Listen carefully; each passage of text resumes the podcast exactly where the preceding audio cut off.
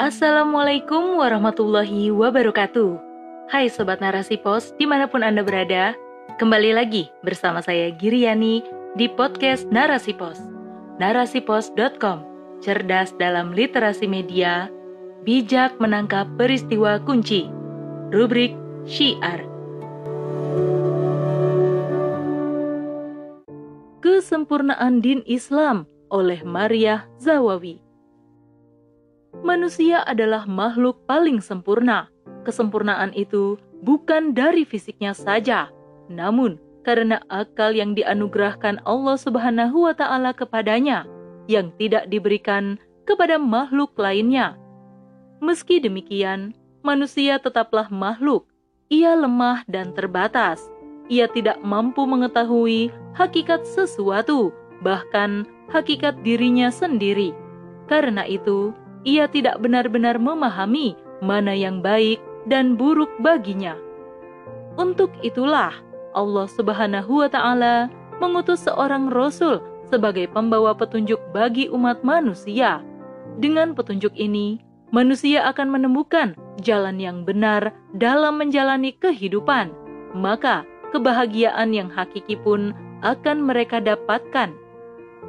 Islam bukanlah seperti agama-agama samawi yang diturunkan sebelumnya. Jika agama-agama sebelumnya hanya berisi ide atau fikroh, maka agama Islam juga dilengkapi dengan metode atau torikoh untuk menerapkan ide tersebut. Islam adalah agama sekaligus ideologi. Inilah yang menyebabkan Islam menjadi agama yang sempurna. Kesempurnaan Islam telah disampaikan oleh Allah Subhanahu wa taala dalam surah An-Nahl ayat 89. Dan kami telah menurunkan kepadamu Alkitab sebagai penjelasan bagi setiap perkara.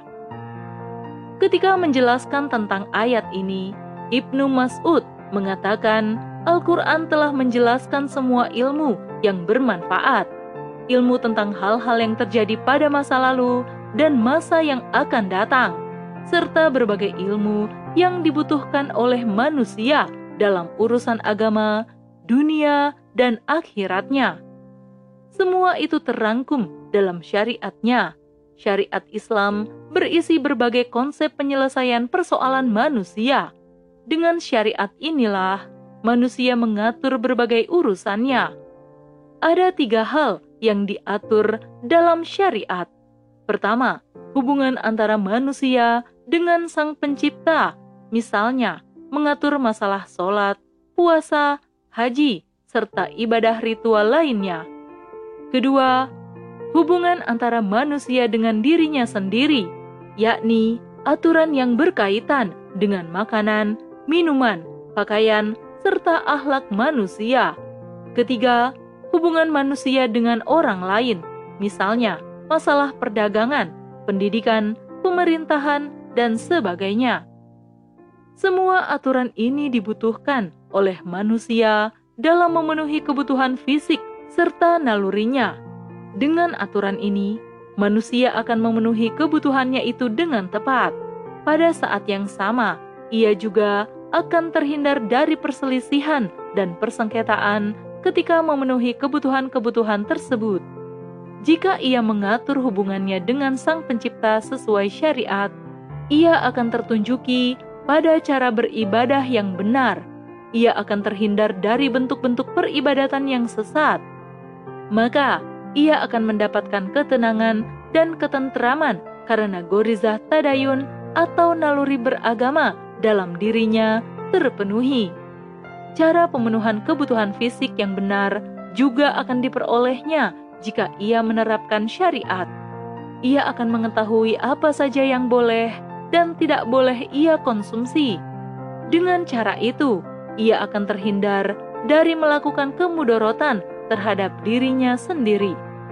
Demikian pula, ia akan memahami pakaian terbaik bagi dirinya, pakaian yang tidak hanya melindungi dari cuaca yang buruk, tetapi juga menjaga kehormatannya, sebab pakaian itu akan menutup aurat yang tidak boleh dilihat oleh mereka yang bukan mahramnya.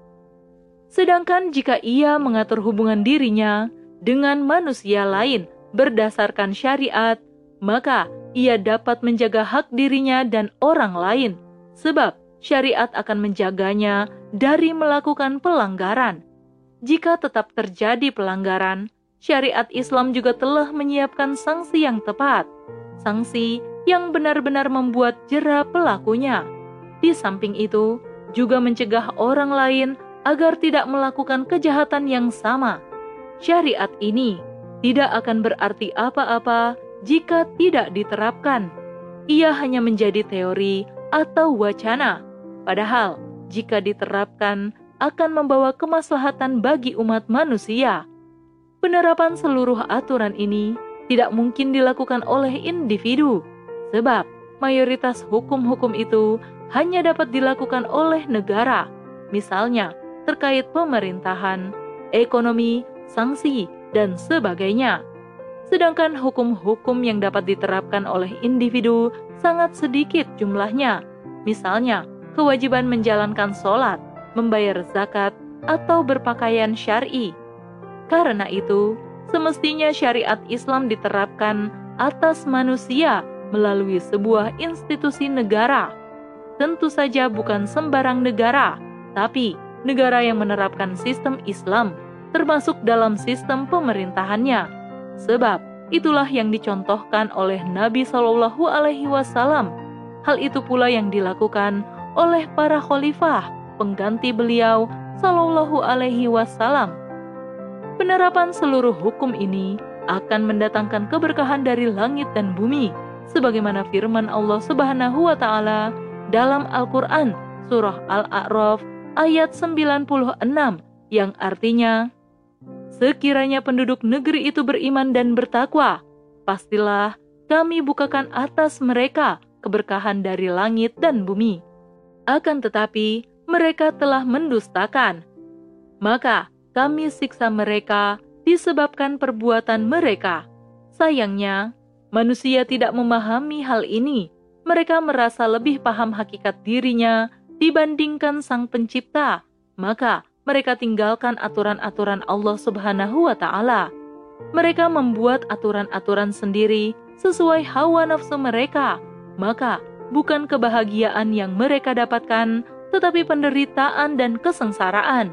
Padahal Allah Subhanahu wa taala telah mengingatkan manusia tentang hal ini dalam Al-Qur'an surah Toha ayat 124.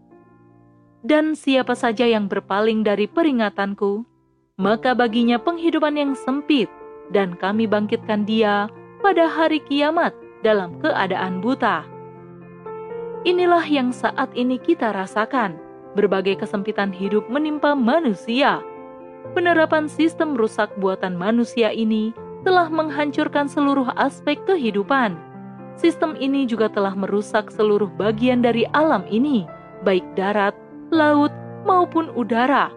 Inilah akibat dari tangan-tangan jahil manusia yang merasa dirinya pintar dan hebat.